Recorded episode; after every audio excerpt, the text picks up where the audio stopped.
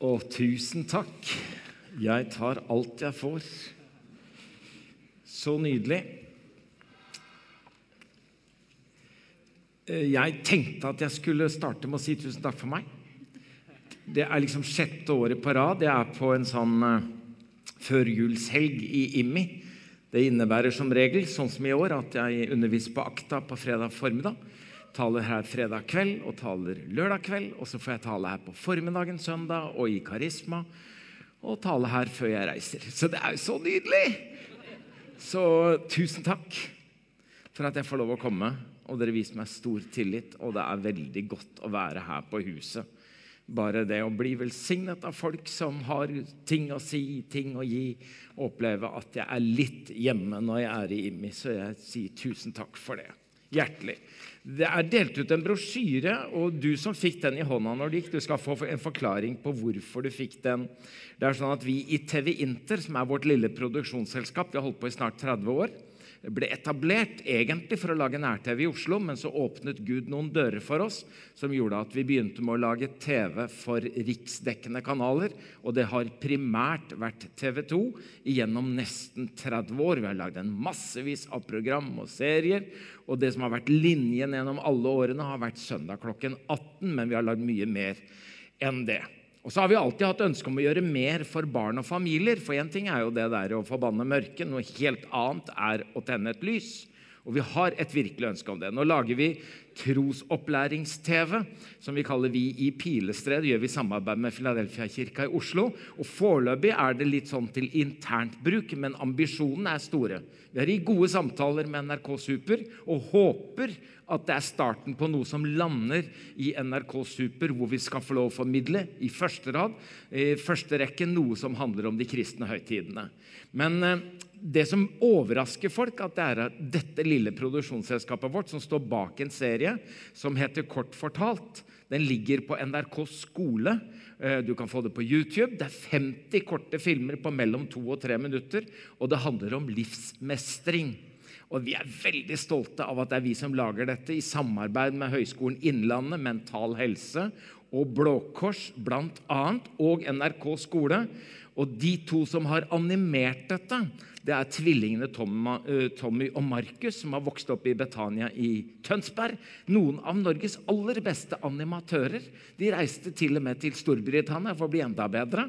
Der blir de oppdaget av Disney, og de blir headhunta av Disney og har jobbet for Disney med en barneserie i tre år. Og nå jobber de i TV Inter. Det er så nydelig å se hvordan ting bare går oppover og oppover og oppover hele tiden. Og de legger hjerte og sjel i dette. Og det er også en personlig grunn. Mor med en bipolar lidelse.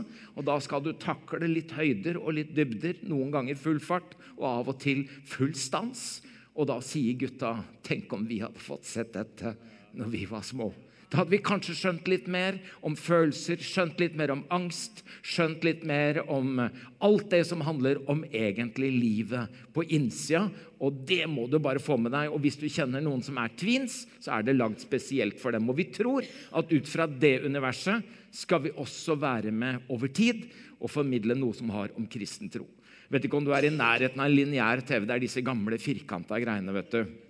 Hvis du er i nærheten av en sånn på tirsdag nå klokka åtte, så er det første av fire adventsprogrammer. Som er sånn times program i beste sendetid på norsk TV. Og da elsker vi, har gjort det flere år, synliggjøre hva Frelsesarmeen gjør. Eh, og så får vi lov å samle inn penger til Frelsesarmeen. Og noen av Norges aller beste artister stiller opp. Jeg hørte et halleluja, men knip igjen. Gjør det, gjør det, bare gjør det. Dere kommer til å dø av forstoppelse. Jeg er helt sikker på det. Og så har vi over tid tenkt at den digitale revolusjonen som har gått fra, eh, fra, fra lineær TV og over på sosiale medier, eh, der burde vi jo gjøre noe, men liksom noe av det vi har gjort på TV, har vi jo fått fullt betalt for. Og noen av disse seriene vi lager, vi bruker aldri gavepenger på det som ikke er trosformidling. Det tenker vi, det kan andre betale. Og det klarer vi. Men det som handler om trosformidling, er det ikke så mange som vil betale for. Og skal du gjøre det på sosiale medier, må du betale det sjøl. Eh, men vi har villet gjøre det, og nå for fire uker siden startet vi med plussord. Eh, har du en Instagram eller Facebook-konto? Tusen takk for en fantastisk program. Det er nesten bare dumt å stå og si noe om dette etter at du har gjort det. Ja da. Men vi startet altså med dette og er stolt over dere som deler. For vi kan lage, vi kan sende ut, men vi starta jo på scratch. Men i løpet av fire uker så har vi hatt 703 000 visninger. Vi hadde et hårete mål. Det høres rart ut at jeg har hårete mål liksom, med den skallen her. Men tanken var jo at vi i løpet av et halvt år skulle nå 20 000 daglige seere. Og så tenkte vi i løpet av ett år skal vi prøve å nå 40 000. Og da prøver vi å være tydelige, prøver å være konkrete. Det er bare ett minutt hver dag, seks dager i uka. Det er ett uketema, det er ett nytt punkt, den tanken i det, til den tema. Leder inn i et bibelvers. Ut av det bibelverset antyder jeg hva vi kan takke for i dag eller be om. Og så gjør jeg det beste jeg vet, det er å lyse velsignelsen. Og Det betyr at jeg sier ordene, og så er det Gud selv som garanterer for innholdet. Og det gjør jeg uten forbehold hver eneste dag. Så er det sånn at den syvende dagen, eller søndagen, som egentlig er den første dagen, da, men den syvende av de, så er det sånn at da legger jeg alle disse seks minuttene etter hverandre, lager en ny en som gjør at det temaet blir på mellom fem og syv minutter hver søndag. Så hvis du vil være med å se på det, hvis du vil være med å spre det, så tenker vi at det først og fremst er et verktøy for folk til å spre blant sine venner, kjente, kollegaer og andre slektninger som kanskje ikke går så mye i kirka som det du og jeg gjør. Hvis du lurer på hva dette er, så får du ett minutts eh, prøve på det. Eh, det er det du får hver dag. Hvor mye er et menneske verdt? Og hvor mye tror du at du er verdt? For noen er ikke jeg verdt fem flate øre. Men for andre er jeg uerstattelig. Men hva er det som avgjør vår verdi? Vi dyrker det vakre og vellykkede, vi løfter fram lønnsomhet og produktivitet. Og selv om vi ikke har et kastesystem, så er det jo ingen tvil om at vi lever i et klatresamfunn. Men vår verdi kan ikke måles i penger, popularitet eller prestisje. Det er bare kjærligheten som kan sette den rette prisen på oss. Og det har Gud gjort. For så høyt har Gud elsket verden at han ga sin sønn, den enbårne. I dag kan vi takke Gud for at hvert eneste menneske er umistelig og uerstattelig for Gud. Herren velsigne deg og bevare deg. Herren la sitt ansikt lyse over deg og være deg nådig. Herren løfte sitt ansikt mot deg og gi deg fred. Det vi ønsker, er å gi folk en god start på dagen, og vi får veldig mange gode tilbakemeldinger. Så fint hvis du følger, men enda bedre hvis du deler, sånn at vi kan spre det til så mange som mulig. Når vår innsamlingsleder i TV Inter spurte Geir om vi kunne få lov å dele ut brosjyre, så trodde jo vi at det skulle skje i et møte, men det har skjedd fredag, det har skjedd lørdag, det har skjedd i formiddag. Og da er det i den brosjyra én mulighet til å gi en fast gave. Eh, og det er det som gjør at vi klarer å beholde denne kjernestaben vår og drive med dette. Og du skal vite, vi bruker aldri gavepenger på program som ikke er trosformidling. Det sa jeg, det prøver vi å få andre til å betale. Men det som handler om å dele evangeliet, det må vi spleise på. Så er du her som ikke tenker at du skal gi tiende til dette, men ønsker å gi en gave, så har du den muligheten i den brosjyra. Så kan du levere en sånn lapp hvis du kan og vil. Er det greit? Tusen takk for at vi fikk lov å si dette, og at jeg fikk lov å drive litt reklame for TV Inter. Og tusen takk, Mariann. Det er jo ingen som gjør det bedre enn deg. Nå skal jeg tale, og den talen heter, tenkte jeg, 'Mannen i skyggen', og det har jeg ingen forutsetning for å si noe som helst om. Nei, det tenkte jeg når jeg satt den overskriften, Egil. Det der er dumt. Har du tenkt å si noe om det der? Det der vet du ingenting om. For det er jo ikke bare meg men mannen i hele tatt, generelt, har nesten aldri vært i bakgrunnen. Er jo alltid gjennom historien plassert i første rekke, helt sentralt. Og det heter seg jo at bak enhver suksessfull mann står det en forundret kvinne eller en forvirret familie.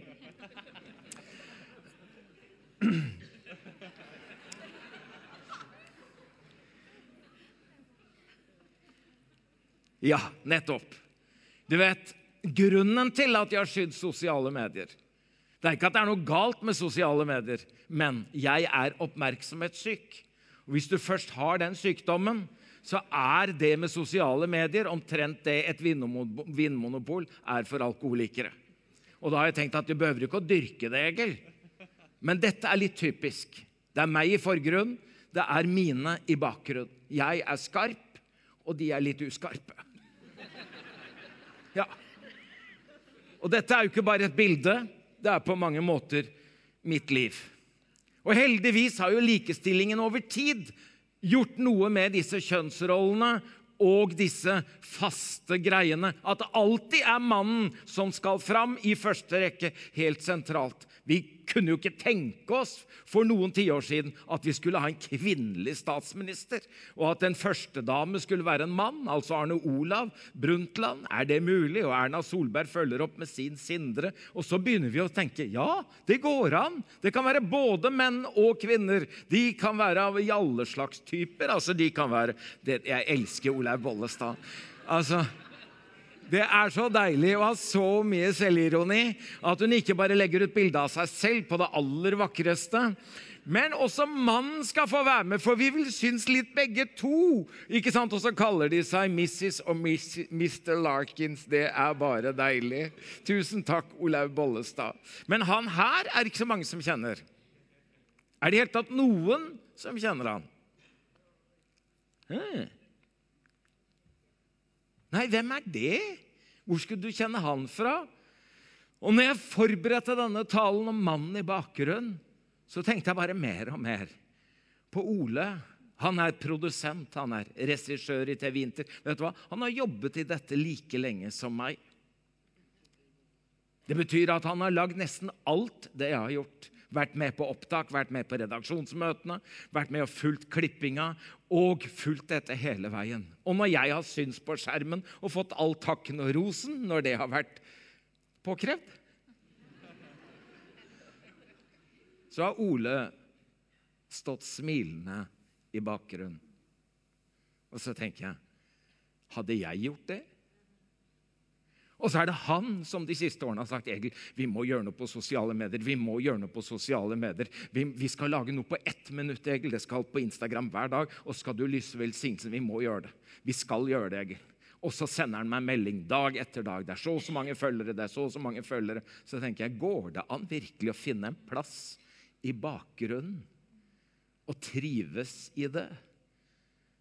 Er det virkelig mulig? For meg er det helt utenkelig. Så det jeg prøver å si i kveld, er rett og et ønske om å si noe til deg som har funnet din plass i baktroppen, i sekretariatet, i støtteapparat.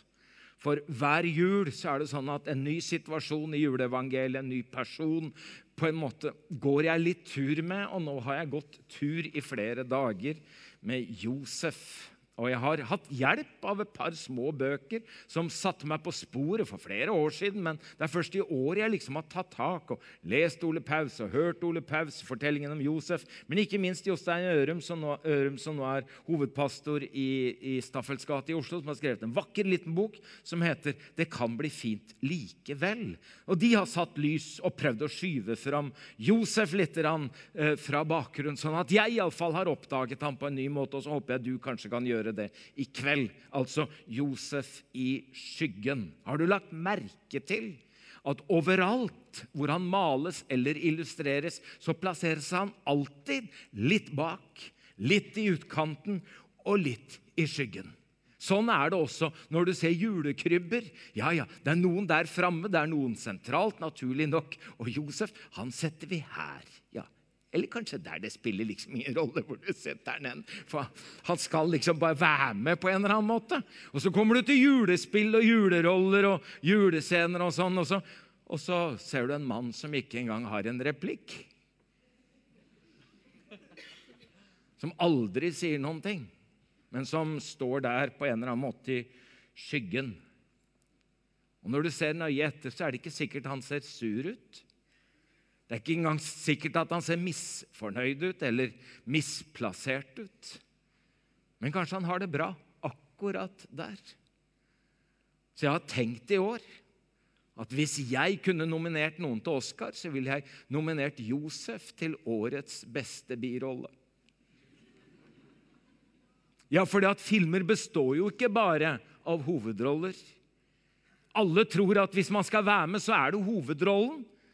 Men det fins mange andre roller, både i livet Det fins andre roller i alle sammenheng. Og Josef har funnet sin der i skyggen av Maria og Jesusbarnet. Du vet, Når noen tar bilder, så er det spesielt. Altså, når noen spør meg kan vi få ta et bilde, så sier jeg selvfølgelig. Og så blir jeg litt overrasket at det skal være med av og til noen andre.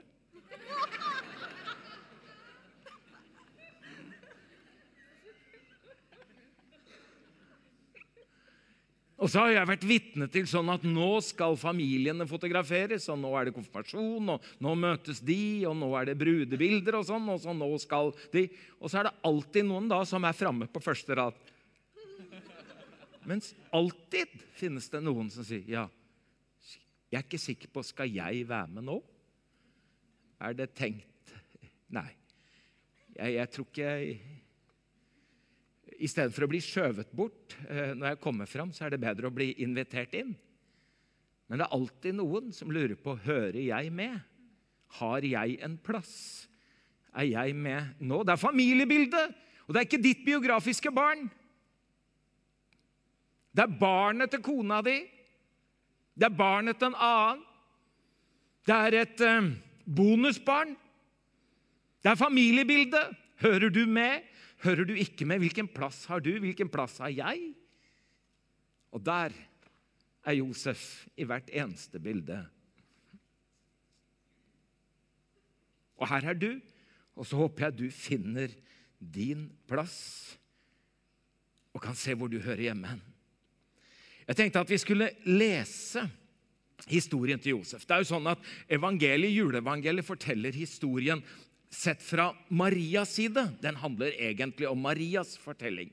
Mens når Matteus skriver, så skriver Matteus juleevangeliet litt fortalt fra Josefs side.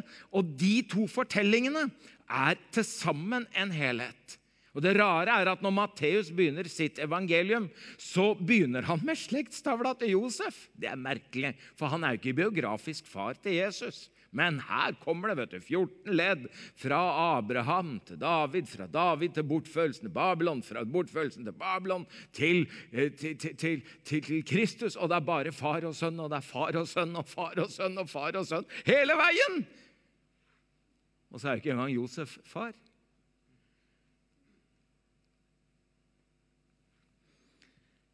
Med Jesus Kristi fødsel gikk det slik til. Hans mor Maria var lovet bort til Josef. Jeg tenkte kanskje at dere kunne lese sammen med meg. Jeg pleier å si når jeg er på Vestlandet, at 'gjøkne om du skarrer'. Jeg syns jeg får det lille hebraiske drag over det. Med Jesu Kristi fødsel gikk det slik til. Hans mor Maria var lovet bort til Josef, men før de var kommet sammen, viste det seg at hun var med barn ved Den hellige ånd.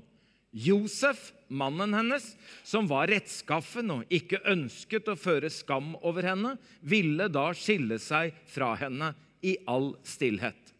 Men da han hadde bestemt seg for dette, viste en Herrens engel seg for ham i en drøm og sa:" Josef, Davids sønn, vær ikke redd for å ta Maria hjem til deg som din kone, for barnet som er unnfanget i henne, er av Den hellige ånd.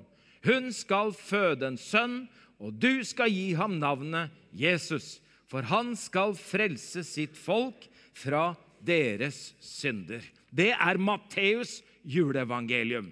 Det er Josefs historie. Og hva er det vi da vet om denne Josef? Jo, vi vet at han kommer fra Nasaret, helt nord i Israel, en liten, ubetydelig bygd. Den gangen på 1500-2000 mennesker som bodde i denne lille bygda. Og det var så lite og ubetydelig at hvis du kom fra Nasaret, så lurte folk på ja, fins det noe kjent by i nærheten. Altså, Det er nesten som å komme fra Figgjo, tenker jeg. Ja, Jeg vet ikke hvor det er, jeg har bare hørt om det. Så hvis folk kommer fra Figgjo, som jeg alltid spørre ja, er det noen by i nærheten? Og da kom jo dette med å, Stavanger, Stavanger, Stavanger Ja, da skjønner jeg det. liksom en Figgjo, hvor er Figgjo? Så når, når Philip går til Natanael og sier at 'Vi har funnet Messias!' 'Ja, mann, han har kommet fra Nas!' Da, da, da, da ler Natanael. Her kan det komme noe godt fra Nasaret. Jeg tror ikke engang Gud vet hvor Nasaret er. Jo da, Gud vet hvor Nasaret er. Og der oppe i Nasaret bor det en kar som heter Josef. Lukas skriver jo det. Da budet kom fra Augustus, da reiste Josef fra Nasaret til Betlehem. Så der kommer han fra. Og så er han tømmermann. Eh, han er tømmermann fordi når Jesus som voksen underviser i synagogen, og de slås av forundring over hans visdom og de mektige gjerningene han gjør, så spør de seg jo er ikke dette tømmermannens sønn. Så der oppe i den ubetydelige bygda Nasaret der hadde de selvfølgelig en maler, og der hadde de helt sikkert en jordbruker og en fisker. Og tømmermannen, det var Josef. Så han er handyman i Nasaret, og det har alltid kona mi ønska seg. Ja, ja, det har hun ønska seg hele livet. Du, jeg har sagt til henne at hvis jeg dør før deg, så må du være kjapp. Få deg en handyman. Gjør det. Altså, jeg unner deg det. Jeg, jeg, jeg, må si jeg unner henne en handyman. altså En som bare skrur i pærene og svinger hammeren og måker snøen og slår gresset. og Nei da, jeg vet du, holder på å forberede taler. Jeg. Så kona mi har sagt at på min gravstøtte skal det stå 'Han var godt forberedt'.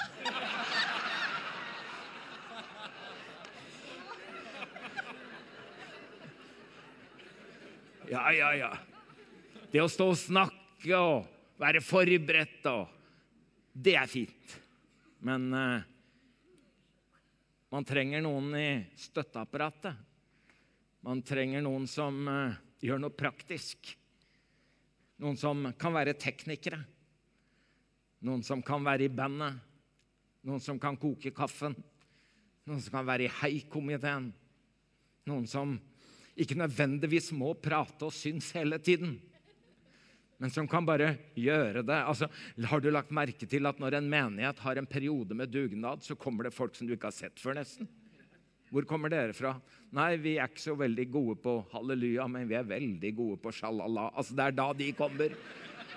Det er da de kommer, shalala-folket. Det er de som er på dugnad. For det er deres språk. Det er ikke fordi at de ikke kan synge og ikke vil synge, men, men de har liksom et annet språk. Og Josef hadde dette språket som tømmermann, handyman, praktisk, og takk og lov for alle som har det. Og så var han forlovet, eller som det het den gangen, trolovet. Det betyr at den gangen så var det sånn at dette ordnet foreldrene. For de visste jo at når man blir forelsket, så er det en psykose, og da kan man gjøre utrolig dumme valg. Masse eksempler på det. Så de tenkte at det er ikke de med psykose som skal velge, vi velger for dem. Da har vi tenkt litt mer langsiktig, så dette ordnet de på foreldreplan. Så det står faktisk hos Lukas at Maria var lovet bort. Ja, de hadde ordnet det. Vi vet ingenting om at det var noen følelser mellom disse to. Vi vet heller ingenting om det var kjærlighet. Men de tenkte ofte den gangen at det er bedre å elske den man får, enn å få den man elsker. Det er ikke så dumt, det. Nei. Så dette var i orden. Og da var det sånn at man hadde en periode av at når man var lovet bort, så var det like forpliktende som om det skulle være et ekteskap i den forstand at hvis den ene var utro, så kunne det føre til skilsmisse. Hvis den ene døde, var det å regne som enke eller enkemann. Og utroskap kunne også føre til døden ved steining. Men han og Maria var lovet bort til hverandre. Og Jeg elsker dette at han av karakter er rettskaffen. Du vet, I dag så hadde vi sagt ja, det er ikke noe å ha på CV-en. det er litt merkelig ord også, men jeg har begynt å elske det. For det jeg hører mest om folk i dag, det er at de er flinke, de er dyktige, de er kunnskapsrike. Og så har vi funnet noen sånne nøkkelord som vi syns er veldig viktige, og som vi setter veldig høyt. Men etter hvert så har jeg begynt å sette veldig høyt at Josef er en sånn type du kan stole på. Et ord er et ord. Et løfte er et løfte. Han kommer når han har sagt, og han holder det han lover. Det gjør han som far, det gjør han som ektemann, det gjør han som nabo, det gjør han som kamerat, det gjør han som familiemann. En rettskaffen type. Du vet, Det var en klok mann som sa at karisma uten karakter ender alltid i katastrofe. For gavene våre de kan føre oss til et sted i livet hvor karakteren ikke lenger kan bære oss. Og Noen av oss kan være så begavet at vi til og med kan bli kjente for noe. Kjendiser går fort på en smell, fordi karisma uten karakter det fører alltid til katastrofe. Men jeg har en følelse av med Josef, en rettskaffen mann, at han har fått en karakter som kan bære livet hans. Så tenker jeg at han av tro er gudfryktig. Altså, Hva slags utgangspunkt har jeg for å kunne tenke at han er gudfryktig? Jo, fordi da Josef våknet av søvnen, gjorde han som Herrens engel hadde pålagt ham, og tok henne, altså Maria, hjem til seg som sin kone, og levde ikke sammen med henne før hun hadde født sin sønn. Det er svære greier, altså.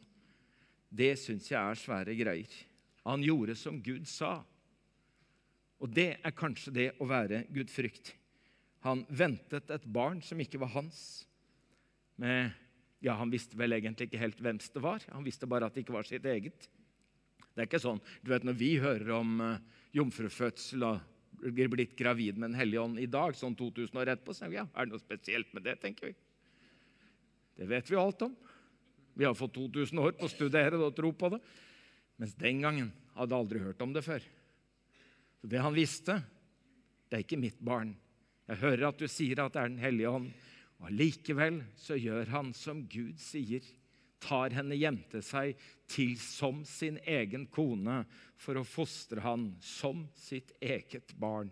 Det står respekt av det. Han var rettskaffen og gudfryktig, og så vet vi ikke hvor gammel han er. Selv om nesten alle de som har malt han og illustrert han, alltid skal framstille han som utrolig gammel. Det er Maria på en 13-14, og så er han en 84 år. Så man liksom tenker, Hvorfor blir han så gammel alltid? Hvorfor ser han så gammel ut? Og det er jo fordi at Vi vet jo ikke noe om det, og så har man bare tenkt at det må ha vært sånn for han blir borte så tidlig. Så han var sikkert eldgammel når dette skjedde, men han kan ha vært en ganske ung mann. Som døde tidlig eller ble borte tidlig av en eller annen grunn. Men vi vet rett og slett ikke alderen hans. Det vi vet, det er at når Jesus er voksen, altså ca. 30 og Jesus taler og underviser og blir avvist på hjemstedet sitt, så sier de, 'Er ikke dette tømmermannen?' sier de der oppe. Altså, nå sier de ikke lenger 'tømmermannens sønn'. Hører du? Før kalte de Josef for tømmermannen, men nå er Jesus blitt tømmermannen. Er ikke dette tømmermannen? Og så sier de videre eh, sønn av Maria og bror til Jakob, Josef, Juda Simon. Altså, de nevner alle, men ikke Josef. Jesus er ca. 30 og Josef nevnes ikke når alle i familien nevnes. Og når Jesus dør på korset og ser Maria i smerten og lidelsen, så tar han seg av moren sin. Det er vakkert, folkens. Jeg har av og til tenkt er det derfor Jesus du ikke sto fram offentlig før du var 30? Fordi du hadde et uh, forsørgeransvar hjemme fordi Josef ble tidlig borte? Er det derfor du måtte vente til du var 30, sånn at du visste at familien var ivaretatt? Jeg vet ikke, men han sier fra korset til Maria, 'Maria, der er din sønn.' Og Johannes står der, og han sier til Johannes, 'Johannes, der er din mor.' Og etter det tar Johannes Maria hjem til seg. Hvor er du hen, Josef? Du må være borte på dette tidspunktet. På et eller annet tidspunkt mellom Jesus er 12 og 30 år, er iallfall Josef borte. Men hvor gammel han ble, det vet ingen av oss. Men det er ikke sikkert at han var en olding. Så jeg tenker at jeg vil gå i lære hos Josef. Han har noe å lære meg. Og det å gå i lære er veldig fint. Jeg har jo gjort det. Det ble jo sagt på denne reklamefilmen i stad at jeg er konditor. Så selvfølgelig har jeg gått i konditorlære. Det kan du ikke ta på brevkurs. vet Du Du vil ikke ha bryllupskake av en som er konditor på brevkurs. Nei, du må lære sånt. For det var jo grekerne som kom med akademia. vet du. Akademia er ikke noe galt med det, men det er jo studenter. Og studenter det er de som skal lære å huske, og så skal de kunne forstå, sånn at de kan forklare. Og hvis du kan huske, forstå og forklare, da kan du noe. Og da kan du til og med bli professor i det du kan. Det er jo fantastisk. Mens jødene tenkte annerledes. Vi kan ikke det vi husker, forstår og forklarer, men vi kan det vi gjør. Så de tenkte at tro er ikke noe du skal mene ut, tro er noe du skal leve ut. Og hvis du skal leve det ut, og ikke bare mene det ut, da må du lære å mestre det og leve det. sånn at Det å gå i læra det handler jo rett og slett ikke om at jeg skal få en kristen tankegang, men få lov å leve et kristent liv. Amen. Så jeg tenker at det å gå i læra hos Josef det må jo ha vært fantastisk. Ja, for Jesus han skulle jo bli tømmermann. Ja, og Han gikk jo da i læra hos tømmermesteren, hos faren sin, iallfall fosterfaren sin, Josef. Og så tenker jeg hva er det dere holdt på med der inne i verkstedet, dere to? Og så var det jo ikke bare sånn fire tom fire og ja, bare sånn at du skjønner at jeg er litt handyman. Det var ikke bare snekring og høvling der inne. Det jeg har sett for meg, det er at man tror jo hele tiden at det er Maria, den, den, den fromme, ydmyke som alltid har sagt alle de kloke tingene til Jesus. Men jeg tror at der inne i verkstedet, der på jobben, der skjedde det læring på mange nivåer. Og Hvis eh, Jesus var som barn for øvrig, så var det sånn Fortell da, pappa. Fortell da, pappa. Ja, men jeg har jo fortalt. Ja, men fortell det en gang til, da. Fortell om den drømmen du hadde. Gjør det. Ja. Gjør da, Fortell det. Det var så spennende. Hvordan så han engelen ut? Hvordan, hva, hvordan stemme hadde han? Fortell da, når han sa det der om at du ikke skulle gå fra mamma, men at du skulle bli og så, Kan ikke du si noe om det? Den der lange turen på 13 mil som dere måtte ta når mamma ventet meg, og det var rett før jeg skulle bli født. Hvordan, hvordan, hvordan, hvorfor måtte dere reise helt fra Nasaret og hele veien? Ja, men hvordan klarte mamma det?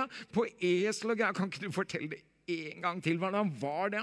Var det en fin tur? Hvorfor fikk dere ikke føde sånn som folk gjør, altså i hus og sånn? Hvorfor måtte dere inn i den grotta? Hvorfor måtte, dere bli født? Hvorfor jeg måtte jeg bli født der og ikke inni et hus? Hvorfor var det sånn? Jeg har jo sagt det, gutten min, mange ganger. Du kan ikke fortale for, ja, ja, men, ja, men en gang til, da. Ja, men men hvorfor kom de der gjeterne, da? Si det! Si det hvem som fortalte det, da. Ja, men gjør det. Fortell om den sangen de snakket om, og, og si det. Jeg vil høre. Og så kom de der med kamelene. Husker du det? Husker du? Det må jeg høre om, altså. De der, med, de der vismennene som kommer fra det landet langt borte, og som trodde at jødenes konge var født. Fortell om det der med gull og røkelse. Hvorfor måtte vi reise som flyktninger?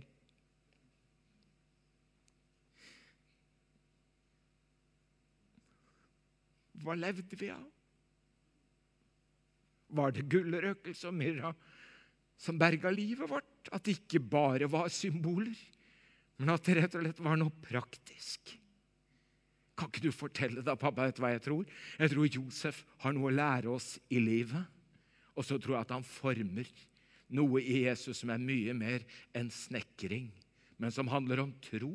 Som handler kanskje til og med om en farsfigur som gjør at han får en farsrelasjon som speiler det som han siden hele tiden skal si når han sier 'Far, min far og jeg'. For vet, han var et barn, et menneskebarn. Jeg tenker at Vi som går i lære hos Josef, vi kan lære oss ting. Jeg har tatt fram fire ting. Er det greit for dere? Og så kan du tenke det var noe helt annet du ville lære. Det er helt greit. Og så kan du tenke at det var mye mer. Det er også veldig greit. Jeg har tatt fram fire ting. Jeg tenker at Josef lærer meg at, å gå videre når drømmer knuses. Jeg tenker at Josef drømte Han drømte jo flere ganger, og jeg tror han drømte mye. Han drømte til og med om drømmedama, tror jeg i Nasaret. Jeg tror egentlig at han hadde begynt når han ble lovet bort, og hun ble lovet bort av han, at han begynte å se for seg hvordan det kom til å bli.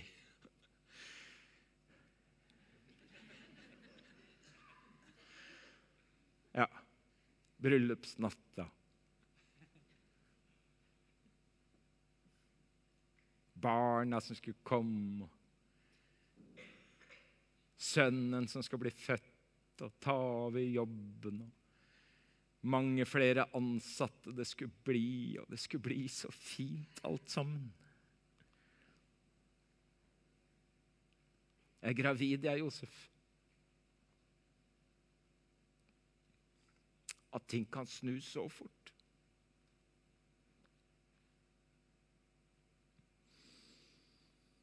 Av og til skal det ikke mer enn én telefon til. Én beskjed fra legen. Sånn. Det er bare en U som skiller mellom lykke og ulykke. Her går drømmene til Josef i knas. Er du gravid, Marie? Er du gravid? Hvem er da? Og så knaser alle planene, alle drømmene, alt han hadde forestilt seg, alt han hadde forberedt seg på. Det er som om det ramler sammen som et korthus. Og det er da tvilen kommer. Det er nå du må begynne å spørre, og du spør har jeg valgt feil dame. Eh, har jeg valgt feil yrke? Bor jeg på feil sted? Eh, nå går jo ikke plan A lenger. Nå blir det jo ikke sånn, men, men nå funker jo egentlig ikke plan B heller. Eh, da har jeg bare lyst til å si at Josef drømte nok, men han rømte ikke.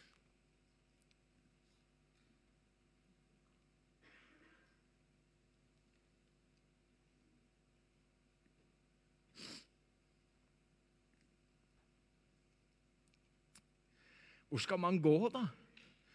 Når drømmene knuses og planene skrinlegges. Kanskje man ikke skal gå noe sted. Kanskje man bare skal bli for en tid.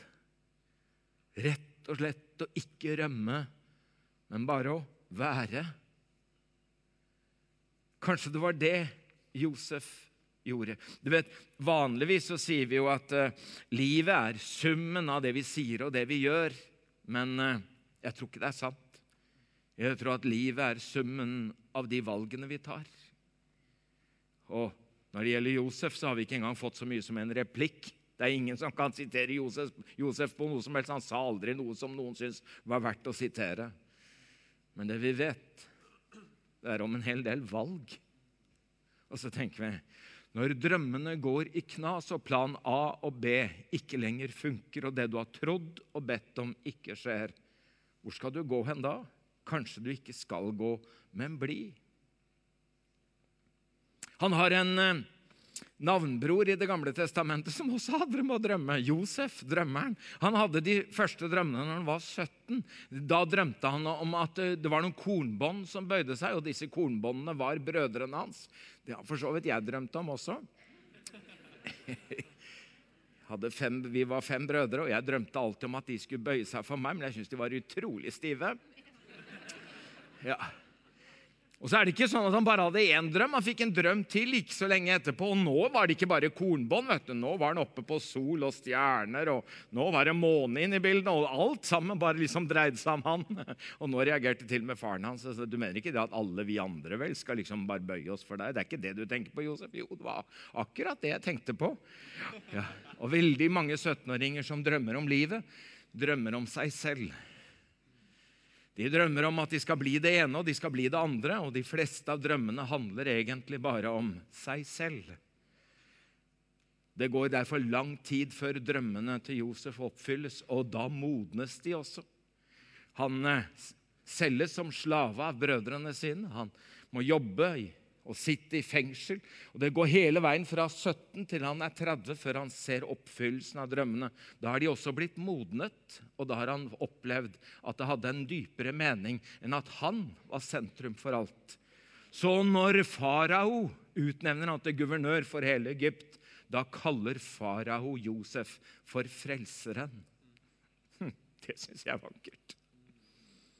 Når vi er unge, så er drømmene våre ofte umodne. Jeg skal bli en kjent predikant. Jeg skal bli en stor lovsangsleder. Jeg skal bli en dyktig pastor. Og mye handler om oss, selv om vi tror at det er ganske åndelig. Men så kan det modnes, og så begynner vi å drømme om hva en pastor kan bety. Så kan vi begynne å drømme om hva en lovsangsleder kan hjelpe folk til. Og så begynner vi å tenke det handlet ikke om oss, men det handlet om folk, og det handlet om andre. Og det var det som skjedde med Josef i Det gamle testamentet. Det er det jeg tenker egentlig skjer. Ja, drømmene dine, Josef, de gikk i knus og i knas, men det du fikk bety, det kunne du ikke engang drømt om. Plan A funka ikke. Plan B funka ikke. Men den planen Gud hadde, den var mye større. For vi vet jo at alt som tjener Så nå skal ikke jeg si at du skal bli på jobben og du skal bli der og bli der, for det har jeg ingen peiling på hva du skal gjøre. Men det jeg vet jeg har peiling på, det er at når dine drømmer går i knas, så skal du bli hos Gud med livet ditt. Du må ikke rømme fra Gud når noe går i knas. Da må du bli der som aldri før. For vi vet at alt tjener til det gode for dem som elsker Gud, at Gud kan gjøre noe godt og få noe godt og få noe meningsfylt ut av det meningsløse. Det ble ikke som du hadde tenkt, Josef, men du kunne aldri ha drømt om at du skulle være tema for tale i Immi-kirka denne kvelden. Det hadde du aldri tenkt. Men nå syns vi det er fint å høre om deg, Josef. For vi syns du er en kjernekar. Ja, Så det ble ikke som du hadde tenkt, men det ble fint allikevel. For alt har sin tid, sier forkynneren. Det er en tid for alt. Alt det som skjer under himmelen. Og for noen er denne tiden en tid for å gråte. Og for andre er det en tid for å le. Og sånn veksler livet, og sånn veksler livsfasene. Det er en tid for å sørge, og så kommer en tid for å danse. Og vi er jo ikke samtidige, men livet er sånn. Og så vil vi være hos Gud med livet vårt. Både når vi sørger, og når vi danser, og når vi gråter, og når vi ler. Og nå sier jeg det igjen. Halleluja. Bare stå på, Svartdal. Du får ikke noe halleluja her ute uansett. Å finne min plass kan Josef lære meg. Jeg syns det er noe vakkert med det, og særlig jeg som bærer på meg denne yrkesskaden, at jeg alltid må stå foran og alltid være i sentrum og alltid syns og er oppmerksomhetssyk. Så tenker jeg at jeg må forstå at ikke alle skal synes, og alle skal ikke stå i første rekke, og alle skal ikke stå på en scene, og alle skal ikke være på en plattform. Men det viktigste er at du finner din plass, og at jeg finner min, og at du er trygg i din plass der du er. Jeg har lest Thomas Sjødins bok. Han elsker lange boktitler. Her er denne. 'Den som finner sin plass, tar ingen annens'. Bare sin egen. Altså, du bør ikke lese boka engang. Det holder med tittelen. Er ikke det, da? Ja, ja ikke sant? Istedenfor å holde på og tenke at jeg må ha den plassen og den plassen. Finn din egen. Og da tar du ingen andre, så ingen andre har tatt din plass. Vi bærer alle sammen på en dyp lengsel. Ikke et spesielt sted og ikke en spesiell rolle, men vi bærer på en lengsel, ikke etter å bli misbrukt og utnyttet, men etter å bli brukt av Gud og være til bruk for noen. Og sånn at vi kan følge den indre lengselen, dragningen, og finne vår plass, vårt ja i livet, hvor jeg vet at her er jeg på rett plass. Og da må du forbi noen sånne sammenligningsforbannelser, og de er ille. Ja, mennesker har til alle tider sammenlignet seg med hverandre. Og noen blir hovmodige, andre blir mismodige. Jeg er så gammel at når jeg vokste opp, så sammenlignet vi oss også. Men det var et veldig lite utvalg av folk vi sammenligna oss med. Ja, ja, For kommer du fra en bygd eller fra et sted, så kjente du de som gikk på, i klassen, og de som gikk på skolen. Men vi var jo nesten ganske like da. Vi hadde til og med samme farve, de fleste av oss. Ja, Sånn var det den gangen. at Bodde du der og gikk på den skolen, så var det forskjeller. Men det var ganske liten gruppe. Men nå, med sosiale medier, sammenligner vi oss med hele verden. Og når jeg skal sammenligne meg med de beste i verden, når de er på sitt beste, for det er jo bare det de legger ut, med mitt eget verste, da blir denne avstanden så stor at jeg kan bli forvirra. Så det å finne sin plass handler om å slutte å sammenligne seg med andre, enten de står foran eller bak, enten de står sentralt eller i ytterkanten, men bare spørre hvor trives jeg, og hvor er min plass i dette? Og Det er jo som en kropp, det sier Paulus. Og det driver man jo her med kroppsbygging. Har jo holdt på hele høsten med dette med disse tjenestegavene og nådegavene. Hva handler det om? Jo, det handler jo om at du skal finne ut hvem du er, og hva Gud har gitt deg, og hva han har lagt i deg, sånn at du ikke bruker for lang tid til å tenke skal jeg gjøre det, skal jeg gjøre det, skal det være sånn og sånn. Men når du finner dette, så kommer du også til en slags ro inni deg. For men nå har Gud gitt hver enkelt lem sin plass på kroppen slik han ville det. Det syns jeg er nydelig når ting ser ganske likt ut, men er forskjellige allikevel. Og du finner din plass. Og jeg tenker, Josef, du fant din plass. Og jeg tror ikke du blir plassert eller skjøvet ut og bort. Jeg tror rett og slett at jeg ser du står og smiler og tenker Her har jeg min plass. Og det kan du lære meg, Josef. Og så kan du lære meg å gjenkjenne Guds stemme, for det er så utrolig mange stemmer som skal si noe om hva jeg skal mene, hvordan jeg skal leve, og hva jeg bør velge. Men Jesus sa at mine sauer, de hører min stemme. Jeg kjenner dem, og de følger meg. Ja, ja, hadde jeg bare hørt Guds stemme, og det gjør du nok mye mer enn det du tror. For det er ikke bare én måte å høre Guds stemme på. Josef han hadde det med å drømme.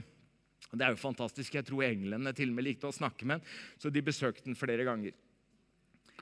Han fikk englebesøk tre ganger. Både når han skulle ta Maria hjem til seg, selv om hun er gravid, og ikke eh, skille seg fra henne, men ta henne hjem til seg som sin egen kone. Når han skulle ta familien sin med på reise til Egypt for å flykte unna Herodes og barnemordene, og når faren var over og han skulle få komme hjem igjen. Eh, det var ved drømmer og englebesøk. Nå aner jo ikke jeg hva som er kommunikasjonsformen som er den mest vanlige for deg, men det jeg vet, det er at Gud har talt til oss alle. Ja, ja, han har talt til oss alle gjennom Skriften. Og du kommer jo på gudstjeneste. Det er for å høre forkynnelse, så du hører jo mer fra Gud enn det du tror. Men det er bare ikke alltid vi liker det vi hører. Så det er ikke alltid store problemet at Gud ikke taler, men det er at jeg ikke liker det han sier. Og Han kan si det på ulike måter til ulike folk, men vi kan høre Guds stemme. Og det jeg beundrer Josef for, det er at han ikke bare lytter, men at han lyder. At han ikke bare hører, men at han handler på det han hører. Og Det er det som gjør at han har lært å gjenkjenne Guds stemme. For Josef vet at mine valg de får konsekvenser for flere enn meg.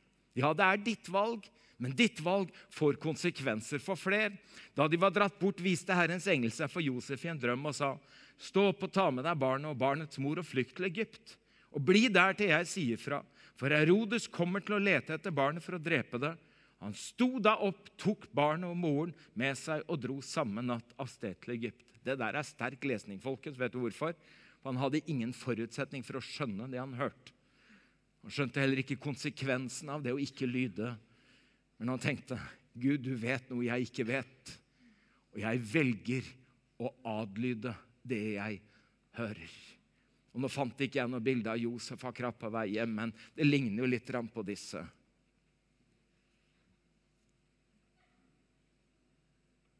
Vi klarte det.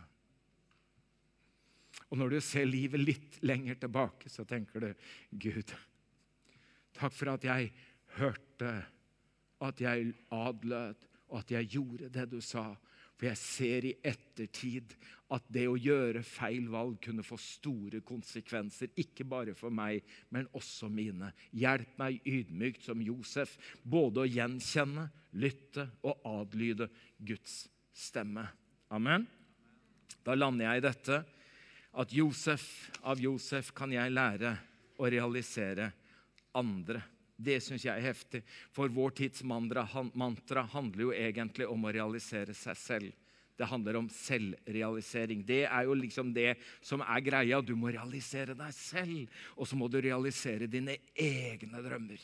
Hvem i all verden har lært deg det? Hvor kom det fra? At det er det viktigste i livet? Å realisere seg selv? Å realisere sine egne drømmer? Ja. Jeg møtte kona mi Da var hun utrolig umoden. Det er vel noe av det mest umodne jeg har møtt. Altså, hun var 14, jeg 15. Giftet oss når hun var 19, jeg 20. Vi fikk fem barn på 108 år før vi skjønte hva det kom av. Og,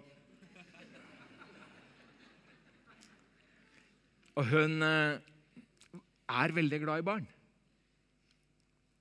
Jeg tør å si at alle foreldre er glad i sine egne barn. Men det er jo ikke alle foreldre som er glad i andres barn, eller er glad i barn i hele tatt, bortsett fra sine egne. mens kona mi jobbet i barnehage og elsket å jobbe med barn. Så hun hadde et ønske om at hvis det var mulig for oss å få det til Og vi spedde på med arv for at det skulle være mulig for henne å lov å være hjemme med barna. Altså var det ikke en sånn kjønnsrollegreie hvor du må det, for du er jo kvinne. ikke sant? Og kvinnens plass er bak kjøkkenbenken. Det skjønner du, kona mi! Jeg skal ut og breke! Det var ikke sånn. Men hun ønsket for alt i verden å være hjemme, og så tenkte hun da kan jeg heller ha et par dagbarn i tillegg. Så har du fem egne på under åtte år, et par dagbarn, så har du forholdsvis mye å gjøre. Og det var ikke det som plaget henne mest, men alle disse som sa 'er du bare hjemme'? Og så lyste det av så mange. Ja, men din karriere, da? Ja, men ditt liv, da? Og så treffer de jo så dypt. For det er jo ingen som snakker om mors karriere eller fars karriere. eller... For det vi har vent oss til, det er jo at vi skal realisere oss selv på bekostning av nesten hvem som helst. Bare jeg kan leve ut mine drømmer og realisere mitt liv og mine gaver. Men kanskje Josef kan lære oss, og det at vi kan realisere noen andre. Det betyr at den store drømmen til Josef er kanskje ikke å realisere seg selv, men om han kan være med og realisere det oppdraget som Maria har fått, og som Jesus har fått. Altså ikke fordi han ikke har et oppdrag, men at han rett og slett gjør deres oppdrag til sitt eget. Det syns jeg at jeg kan lære av deg, Josef. Jeg syns jeg ser det. Det er ikke en slagen mann, taper, som ikke har gjort karriere. Men jeg tenker, du har fått et oppdrag i livet, og du tar det på alvor. Du forvalter en oppgave og en tjeneste som du ikke hadde drømt om, men dette går du inn i med helt for du tenker Maria, du har fått et kall. Jesus, du har et oppdrag, og jeg skal være, om jeg så står i bakkant, om jeg så står i ytterkant, og kanskje til og med litt i skyggen, så skal jeg virkelig gjøre dette. Jeg syns det er noe fantastisk med Jesus. Det står om han at han ble holdt for å være Josefs sønn. Og jeg er helt sikker på at de sa mamma og pappa. Jeg tror det var pappa, og jeg tror jeg har dekning for det også. For når han er tolv år gammel, så er han med foreldrene sine til Jerusalem og tempelet. Og for å si dette er jo rett og slett en barnevernssak, men de glemte den igjen. Og da er det ikke tre timer, liksom, men det er tre dager. Såpass pinlig at vi sjelden syns det er fint å nevne det, men det bør nevnes. Det var tre dager. De trodde han var i reisefølge, liksom. Og så må de helt tilbake igjen, da. Og så leiter de Jerusalem, og så finner de den etter tre dager. Og nå bare ser jeg dette for meg, da. Men jeg ser for meg at uh, Josef blir litt overraska når han ser hvem som sitter rundt Jesus der oppe i tempelet. Der sitter jo de skriftlærde. Der sitter eh, prestene. Der sitter de interesserte. Og midt i dette sitter tolvåringen. Og så har jeg en følelse av at Josef står litt sånn i avstand og sier ja, 'Den er veldig godt svart, Jesus.' Ja, 'Den der fikk du av meg.' det der, det der, det har du hørt meg si. Og det der, Jesus, det snakket vi mye om. Og nå sitter du her som tolvåring. Og så sier du det så selvfølgelig. Jeg føler at Josef er stolt også, selv om han skammer seg litt over at han har glemt den igjen. Det er gutten min. Da kjenner jeg at han blir nok en god snekker, men han kan med, den gutten. Og så må jo selvfølgelig meldingen og bekymringen komme. og Nå er det jo Maria som snakker for både Josef og seg selv. Det er jo ofte sånn med kvinner. Uh, Iallfall blant de var det sånn. Ja, jeg tror Josef syns det er greit. Eh, Maria, hun snakker, hun. Uh, og så sier Maria, vet du, 'Din far og jeg har vært så bekymret.' Det er det jeg elsker, da. Din far og jeg. Kalte den ikke stefar eller bonuspappa, men, men ja, han hadde blitt far for Jesus. Og vi har vært så bekymret for deg. Og så sier Jesus, 'Men hvorfor lette dere etter meg? Visste dere ikke at jeg må være i min fars hus?' Oi, nå hører jeg to ting. Det ene jeg hører, det er noe som er veldig sårende og vondt for Josef å høre. Å ja vel. Din fars hus. Det er ikke meg, altså. Det er ikke oppe i Nasaret. Det er her. Hva er det du prøver å si, Jesus? Det der var veldig vondt gjort. Det, det, det svei. Du burde vel ikke ha sagt det mens de andre hørte på? Jeg trodde jeg liksom har blitt faren din. Jeg hører det, og jeg kan godt tenke at det, det går an å høre det sånn. Men det går også an å høre det sånn at Josef der i tempelet, Jesus er tolv år gammel, opplever Da har jeg lykkes. Han har skjønt hvem han er. Han har forstått at han er ikke bare Marias sønn og min fostersønn. Han er Guds sønn. Han har en far. Han skjønner at han er Messias. Det er som om Josef opplever oppdraget fullført. Jeg har fått gjøre det jeg var kalt til. Jesus er tolv år, og han har kommet dit hvor jeg skulle følge ham de tolv årene og gi ham den tryggheten og den forståelsen. Så jeg velger å se det sånn. Og så blir Jesus med Maria og Josef opp til Nasaret. Og så vokser han i alder og visdom og er lydig og snill gutt. Og så er Josef borte for resten. Du hører aldri noe mer om Josef etter dette møtet. Jesus er tolv år, og ingen av oss vet hva som skjedde. Om han ble syk og døde, om han var ute for en ulykke, det vet vi ikke. Men det jeg vet, det er at han fullførte det oppdraget han fikk. Josef var tøff. Josef var trofast. Det ble ikke som han hadde tenkt, men det ble fint. Og det ble mye større enn det han noen gang hadde drømt om. Og det jeg har lyst til å si til deg, er det som står i Kolossebrevet 4. kapittel, vers 17. Se til at du fullfører den tjenesten du har fått fra Herren. Og Når jeg sier det, så er det ingen automatikk at da skal du alltid fortsette. For det kan av og til bety at du skal slutte. Det kan av og til bety at du skal begynne. Og av og til betyr det at du bare skal bli. Men alt det handler bare om roller. Men tjenesten for Herren, den er livsvarig. Og den er helt til du dør. Sånn at du tenker om livet mitt blir kort eller langt, om det blir lett eller tungt, så vil jeg tjene Herren med det livet jeg har fått. Og jeg ønsker å fullføre den tjenesten. Og det er jeg helt sikker på at Josef gjorde. Herre, jeg takker deg for at du kaller oss på ulike måter til ulike roller og ulike oppgaver. Men jeg takker deg for at du setter oss sammen som en kropp med lemmer av alle slag. Og så ber jeg deg i dag spesielt for de som ikke er sikre på om de har noen plass, eller har noen tjeneste, eller har noen gaver eller har noen roller. Jeg ber i Jesu navn at du hjelper oss å oppdage hva du har gitt oss, og hvor du har plassert oss, og at vi får lov å finne vår plass. Takk for Josef, og takk for hva han har å lære oss. I Jesu navn. Amen. Amen. Takk og lov. Nå syns jeg jammen meg du kan avslutte, Maria.